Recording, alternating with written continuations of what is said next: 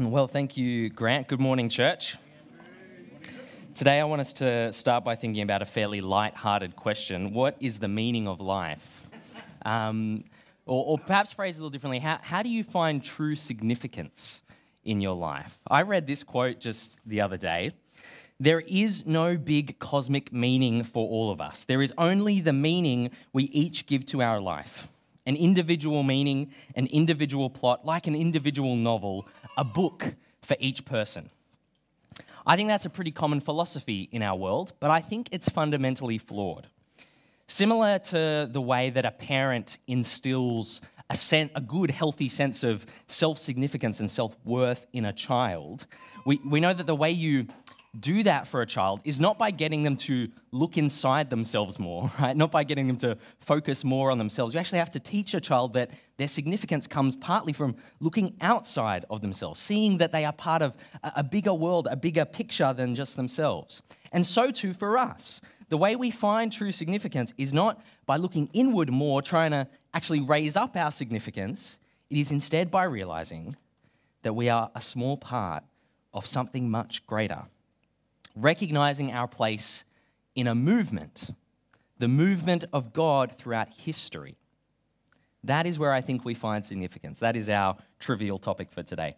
Now, um, this, this is tricky, I think, this kind of thing because so much of our culture's common wisdom pushes in exactly the opposite direction. The sociologists tell us that we live in a time marked by what's called expressive individualism. Not just individualism, but expressive individualism. What is that? Well, uh, defined simply, it's finding your own identity free of any external pressures.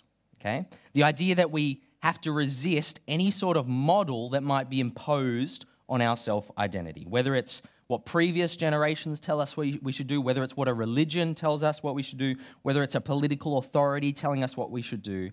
Anything which restricts your individual freedom and self expression has to be deconstructed and destroyed. And right in the face of that kind of thinking comes a passage like Isaiah 11.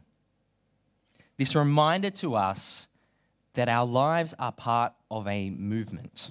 You are part of a movement. The Christian life is one of movement. There's that movement from dark to light, lost to found, that happens at the point of conversion. There's that movement after conversion of becoming more and more like Jesus, sanctification, becoming more and more godly, obeying his commands. But there's, there's this bigger movement. That's what I'm talking about today. This, this movement through history that is, first and foremost, not, not about you. And actually, here's the paradox appreciating that fact helps to give your life significance. It liberates you to find true significance, realizing that this slice of time in which you live, and, and it is a short chapter in the history of the world, realizing that your slice of time is connected to a much bigger movement will actually affect how you live now a lofty goal for today. That's what I'm going to try to persuade you of. Let me show you from the passage that we read. It'd be great if you had your Bible open there at Isaiah 11. Did you notice the image that the prophet Isaiah uses at the very start of chapter 11? It's this idea of a, a tree stump with a shoot growing out of it, a, healthy fruit bearing branch coming out of a stump. Now, this, that photo you see there, I took this just the other day. I was, um, does it, actually, quick quiz, does anyone know where that picture is taken? Do you recognize the building? Oh, very good guess, Steve. It does look like that building, but it's not. Some, it's, it's in Riverstone. Does anyone recognize the building? Yes, Marissa, it's the, the Presbyterian Church, the Free Scottish Presbyterian Church on Regent Street. I was driving down that road and I saw this and I thought, oh, that's what I was just reading about in the Bible a, a stump with a shoot coming out of it. So I stopped and took a picture. I drove past it again, like less than 24 hours later, and the stump was ground up. It was gone. So you know, sent, sent by an angel for me for today's sermon. Um, this, this idea of a stump. Now, we realize suddenly when we get to verse 2, don't we, that this shoot coming out of the stump is actually a person. It's a, it's a he. The Spirit of the Lord will rest on him. Now, if you are newish to the Christian faith, if it's early days for you in your Christian walk, you may not know the answer to this question, and that's okay. We're all at different stages on the journey of coming to know the scriptures. But a question for the room What is the significance of Jesse? Who is Jesse according to the Bible? Can anyone tell me what's, who, who, who is Jesse? David's father, that's right. King David, one of the most important kings in Israel's history. Jesse is his dad. Now, as soon as we think about fathers and sons and tree stumps and branches, we're thinking family trees, right? That's the kind of imagery we have in our head. And that is part of what's happening here, but there's more to this imagery than just that. And you'll miss it if you haven't read the verses just before Isaiah 11. Um, at the very end of Isaiah chapter 10, we read this up on the screen The Lord Almighty will chop down the mighty tree of Assyria with great power. He will cut down the proud, that lofty tree will be brought down. This image of Assyria, this, this threatening army for God's people at this time in history, their armies being chopped down like a forest, is suddenly flipped on its head in Isaiah 11. And out of that post war desolation comes this new shoot. There's a common saying amongst preachers that a text without a context is a pretext for a proof text. We all know what that means, obviously. I don't need to explain that. Um, what, what's that saying? A, text without a context is a pretext for a proof text. What that's saying is if you take a verse from the Bible and you lift it out of its context in the Bible, you, you've just set up a potentially dangerous situation where you can make the Bible say whatever you want it to say. It is so true. And how do we avoid that? Well, we always read the Bible in context. We understand that, you know, any verse is part of a narrative, part of a, a poem, part of whatever text it happens to be part of. And to understand this prophecy in Isaiah 11, how it fits in that movement of God's plans in history, we need to understand the context. So, very briefly, what's Isaiah 1 to 10 about? We kind of jumped in here at chapter 11. Well, Isaiah was a prophet around 700 BC, speaking to the southern kingdom of Judah. And basically, he is staging an intervention. He is there with a friend trying to talk or shake some sense into them because they don't realize that their life is in crisis. Their society in Judah is, is so rotten. They've strayed so far from God that dire consequences are around the corner. And you could just flick through Isaiah 1 to 10 and just look at the headings. You'll see it's, it's a pretty dark picture. It is not pretty. Here's the lowlights reel. In chapter one, we're told the leadership is thoroughly corrupt. They accept bribes to let off the guilty and condemn the innocent. We're told in chapter five and elsewhere that the people are immensely greedy. They live luxurious lives while the poor suffer. They make fine mansions for themselves, multiply their real estate assets. We read elsewhere, perhaps this hits a little too close to home in our own culture. They are heroes at drinking wine, champions at mixing drinks in some translations. They boast about how much alcohol they can hold.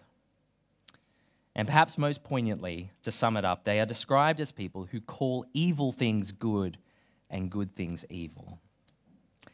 That's Isaiah 1 to 10. It's, a, it's a, a picture of a people who, from top to bottom, are proud and violent and unjust. And so, the good and holy God, this is really good that he does this, he, he notices injustice, that's good. He responds as any good judge would, not as a gleeful punisher, but as a reluctant disciplinary of his people. Now, amidst that very dark picture, at the same time, there are these little glimmers of hope that peek through rays of light that poke through the dark description. In chapter 1, there's the possibility of forgiveness if they turn back to God and obey Him. In chapter 2, a future where people will beat their swords into farming equipment because the nations will be at peace. There's, there's these little moments of God's grace that shine through the dark picture, and a, a figure starts to develop who, by Isaiah 11, is described as the shoot of Jesse. Now, get this hundreds of years before what Isaiah wrote about here, God made a promise to King David. It's recorded in 2 Samuel chapter 7. Here it is. Furthermore, the Lord declares that he will make a house for you, a dynasty of kings. For when you die, God is talking to David here, and are buried with your ancestors, I will raise up one of your descendants, your own offspring, and I'll make his kingdom strong. He's the one who will build a house, a temple for my name, and I will secure his royal throne forever. I will be his father, and he will be my son. When he does wrong, I will punish him with a rod wielded by men, with floggings inflicted by human hands. but my favor will not be taken from him as I took it from Saul, whom I removed from your sight. Your house and your kingdom will continue before me for all time, and your throne will be secure for how long? Forever. Child from David in a special relationship with God. God is described as his father, he is described as God's son, a king who is punished with the rod of men, and yet God's love is never removed from him. Does this, does this ring any bells for you? This, this picture of a man? Now, let's not jump too quickly to Jesus here, right? Because after David come kings. And for every one of those kings, the question is asked is this the one? Is this king the one? And sadly, those kings become worse and worse over time. Some are good, but the general trajectory is downhill until we get to the time of Isaiah, hundreds of years later, when one of the worst of the worst is on the throne, at the start of Isaiah's life at least, uh, a man named King Ahaz. Now, I was actually genuinely shocked as I just reread in these last few weeks uh, what King Ahaz was like. He's described as a leader in idolatry, putting pagan temples literally inside God's temple, uh, a leader in social injustice, even at one point sacrificing his own son in the fire. Can you imagine a king of Israel doing something as horrible as that?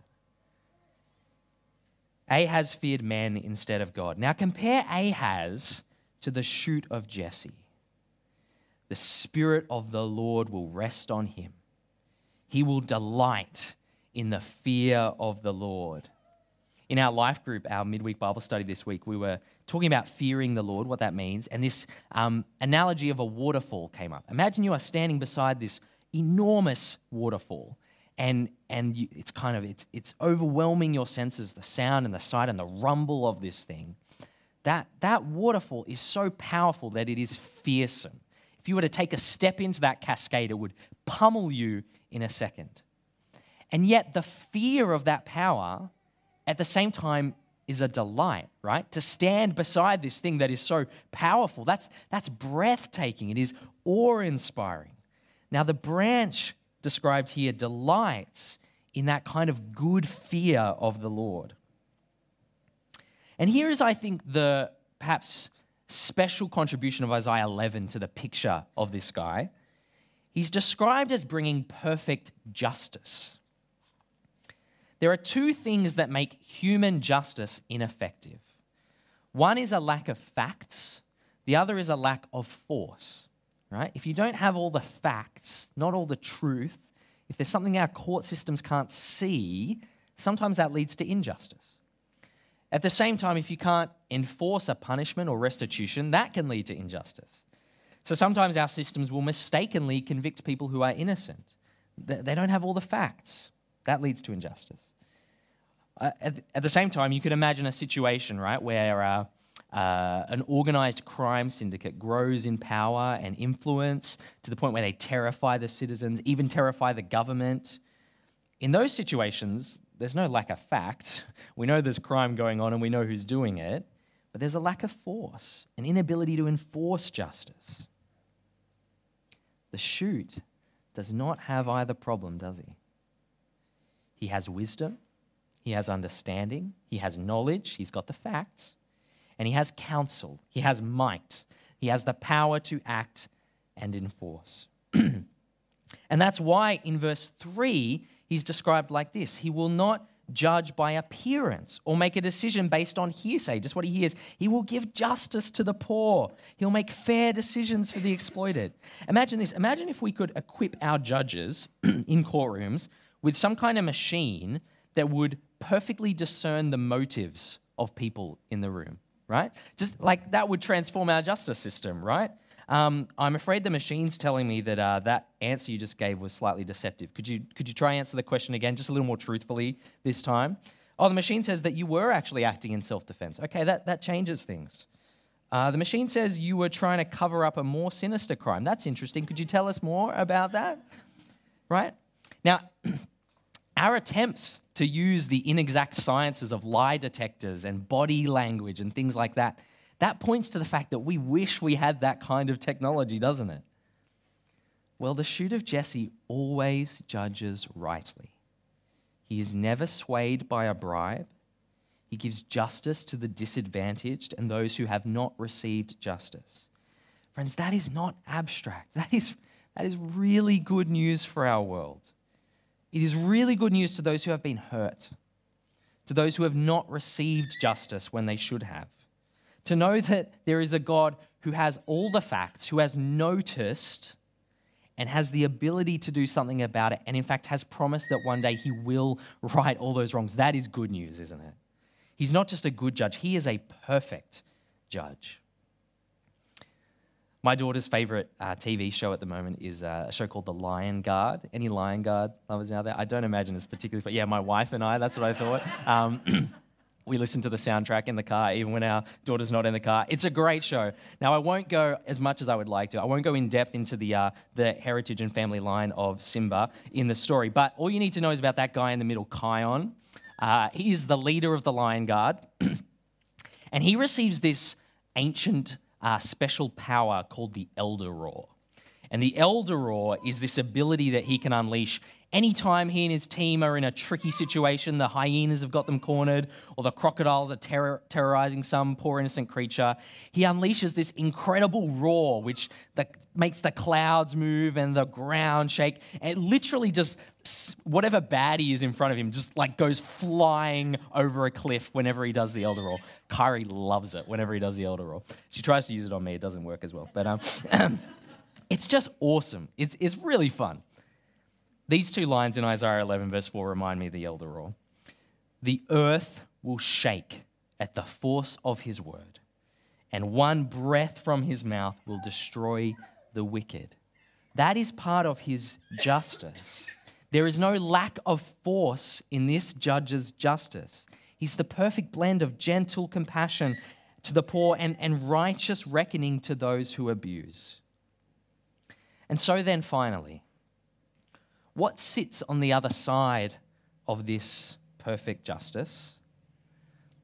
It's safety, it is peace. Creation itself is put back together. There is this incredible, almost unimaginable description of peace there in Isaiah 11, as all the forces of violence no longer threaten their prey. The wolf with the lamb, the leopard with the goat. You know, all of these striking images, these pairs, they have one thing in common. By default, one of these creatures kills the other creature. Wolves kill lambs, leopards kill goats, lions kill calves, all of them could kill a child. Bears can kill cows, lions kill oxen, asps kill children, adders kill babies. That last image is really crazy, right? Can you imagine if, you know, at morning tea after church, you saw a toddler kind of excitedly chasing a brown snake down into the car park? Like, you, I don't know about you, I feel my heart rate rising just imagining that. That panic that we feel as we read those lines, that's, that's the point. Isaiah's powerful poetry here is meant to get us to realize that the Messiah, this promised one who's coming, is going to conquer death itself. And so we're left at the end of this prophecy about the shoot of Jesse, I think with the realization that this, whoever this person is, they're superhuman, right? They can't, they can't just be another one of Israel's kings, a little better than the last ones. You see, when we collect up this thread from Isaiah 11, and we pick up the thread in Isaiah 9 about the light who's coming, and, and the threads earlier in Isaiah and later in Isaiah 53 and 56 about someone who will come and suffer in the place of his people, and the threads from all the other Old Testament prophets, and we weave them together into this tapestry of a person who's coming, we arrive at the start of the New Testament to these words 700 years, 700 years after Isaiah's prophecies. The Gospels open like this Matthew chapter 1, verse 1. This is a record of the ancestors of Jesus. That, that's a bland way to start a story, isn't it? This is a record of the ancestors of Jesus, the Messiah, a descendant of David. Why does Matthew start like that? Because he understands the movement. He understands the movement. In the book of Acts, here's how the first followers of Jesus spoke about him. This is a sermon that was preached in the book of Acts by the first followers of Jesus. We tell you the good news, what God promised, our ancestors, he has fulfilled for us, their children, by raising up Jesus, as it's written in the second psalm You are my son, today I've become your father. God raised him from the dead so that he will never be subject to decay. As God said, I will give you the holy and sure blessings promised to David. So it's also stated elsewhere You will not let your Holy One see decay. Now, when David had served his own purpose in his own generation, he fell asleep, that means he died. He was buried with his ancestors, his body decayed.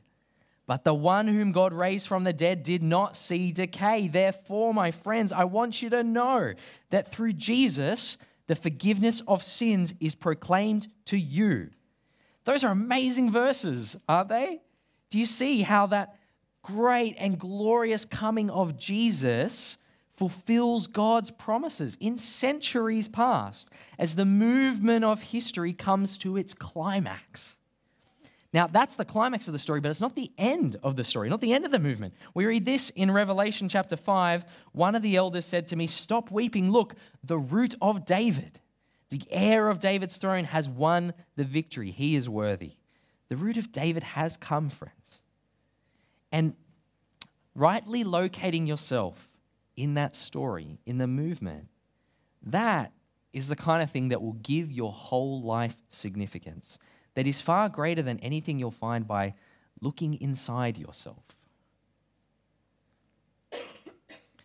So here's two brief applications for us today. First, don't take the amazing fulfillment of prophecy and promise in the scriptures for granted. I think if you've been a Christian for some time, you get to Christmas and you know what's coming. There were prophecies and promises in the Old Testament, and Jesus fulfilled them. And we get a little blase about that. But what we're talking about here is thousands of years beforehand to King David, 700 years beforehand to the prophet Isaiah many more times elsewhere in the Old Testament books until finally this man comes to whom all those promises adhere. I tell you, no other holy book in any religion has anything like that. The Bible is about a movement from promise to fulfillment. And I think that really matters for our convictions, for our surety that this book is true and right. This is not a book full of a bunch of kind of vague myths that if you squint, you can make them be about whatever you want them to be about. This is not fortune cookie, astrology kind of predictions. This is extraordinarily specific promises fulfilled in one man, in one place, at one time. Let that bolster your faith, friends. Secondly, remember that you are part of something bigger than whatever is happening next weekend. Your life is more than whatever your current circumstances are. I don't want to diminish whatever your current circumstances are, but, but your life is about something bigger than that. Brothers and sisters, I want us to, to lift our horizons, to stop being overly concerned with minutiae and trivia in our lives, because there's something more significant. You know, our, our prayers will shrink and get small if we let them. But pay attention. How did Jesus teach his disciples to pray? He said, Pray this Your kingdom come, God, your will be done. That's a big prayer, isn't it? That's a prayer that acknowledges the movement of history. That's what captured the first followers of Jesus, made them sacrificially brave. This vision that God's movement would come to completion. They were captured by this idea that their lives were bigger than their tomorrow.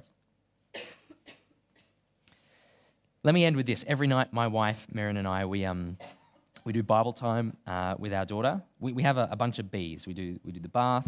Uh, we put our boots on. Our daughter wears uh, uh orthotic boots to bed. I can tell you about that later. Um, we, we read the Bible, read a book, and we go to bed.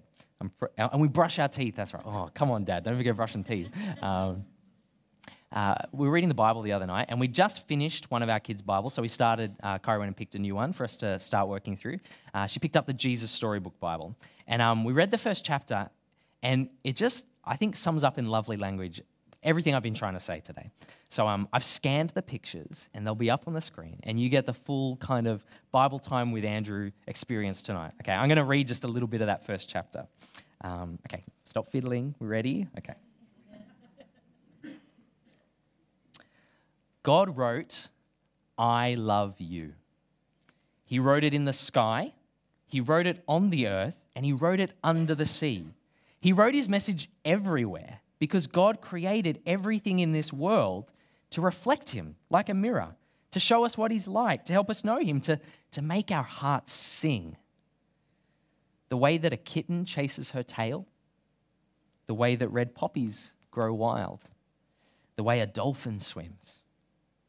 And God also put it into words, and He wrote it in a book called the Bible. Now, some people think the Bible is a book of rules, telling you what you should and shouldn't do. Now, the Bible certainly does contain rules, they show you how life works best. But the Bible isn't mainly about you and about what you should be doing, it's about God and what He has done. Other people think the Bible is a book of heroes, showing you people you should copy.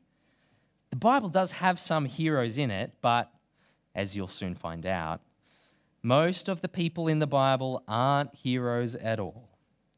They make some big mistakes, sometimes on purpose. They get afraid and run away. Sometimes they're downright mean. No, the Bible isn't a book of rules or a book of heroes. The Bible is a story. It's an adventure story about a young hero who comes from a faraway country to win back his lost treasure. It's a love story. Ooh. A love story about a brave prince who leaves his palace, his throne, leaves everything behind to come and rescue the one that he loves. It's like the most wonderful of fairy tales that's come true in real life. You see, the best thing about the story is it's true. There are lots of stories in the Bible, but all those stories are telling one big story the story of how God loves his children and he comes to rescue them. The story of, uh, sorry, it takes the whole Bible to tell this story. And at the center of the story, there's a baby. Every story in the Bible whispers his name. He is like the missing piece in a puzzle, that last piece that makes all the other pieces fit together. And suddenly, you see a beautiful picture. Friends, if we realize that we are part of that movement, part of God's big story, it will change your life it will at, at the same time humble us and enlarge our significance. Because get this, God invites us to be part of that story. That is good news. Let me pray for us. God, we thank you that you have not uh, made us, created our world, and then left us to our own devices to, to figure out what our lives are meant to be about. You are a God who has planned throughout history through the movement of history to make us part of a movement that is bigger than us. We thank you for this, this promise of the shoot of Jesse, one who would come as a perfect judge. Today, we are especially thankful that you are not just our Savior, not just the one who, who makes our relationship with you right, but you are the God who cares about justice. You are the, you, you are the God who is, is not just a good judge, but the perfect judge. You see injustice and you take note of it. And you have promised that, that you are the one who, in the end, will avenge. We don't have to pick up the mantle of vengeance ourselves. You, you are the God who we can leave that to, and we know you will do it perfectly. For those of us who, for whom uh, injustice is, is a raw topic, we thank you that the gospel is good news to us, that it is the promise that that we can, we can let go of that burden of, of wanting to make things right, of feeling the weight of, of having received injustice, of not having been given justice. We know that you are the God who notices and will make it right one day. We thank you that we sit this side of Jesus in the story of history. We know our Savior, He empowers us today. We pray that you would help us to trust the one who you sent to save us. In Jesus' name we pray. Amen.